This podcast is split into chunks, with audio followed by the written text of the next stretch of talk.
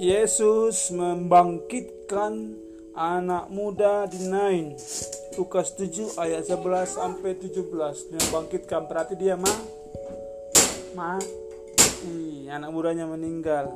Kemudian Yesus pergi ke suatu kota yang bernama kota Nain. Murid-muridnya pergi bersama-sama dengan dia dan juga orang-orang banyak menyertainya berbondong-bondong. Setelah ia dekat pintu gerbang, ada orang mati diusung keluar.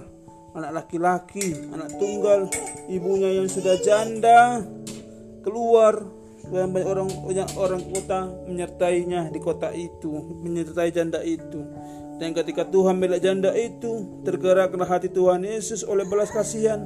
Lalu ia berkata sama orang sama orang sama orang yang membawa mayatnya dan ketika Tuhan melihat janda itu tergerak hatinya jangan menangis wahai ibu Sambil menghampiri usungan itu, ia menyentuhnya dan sedang para pengusung berhenti. Ia berkata, Hai anak muda, aku berkata kepadamu, bangkitlah. Maka bangunlah orang itu yang sudah meninggal.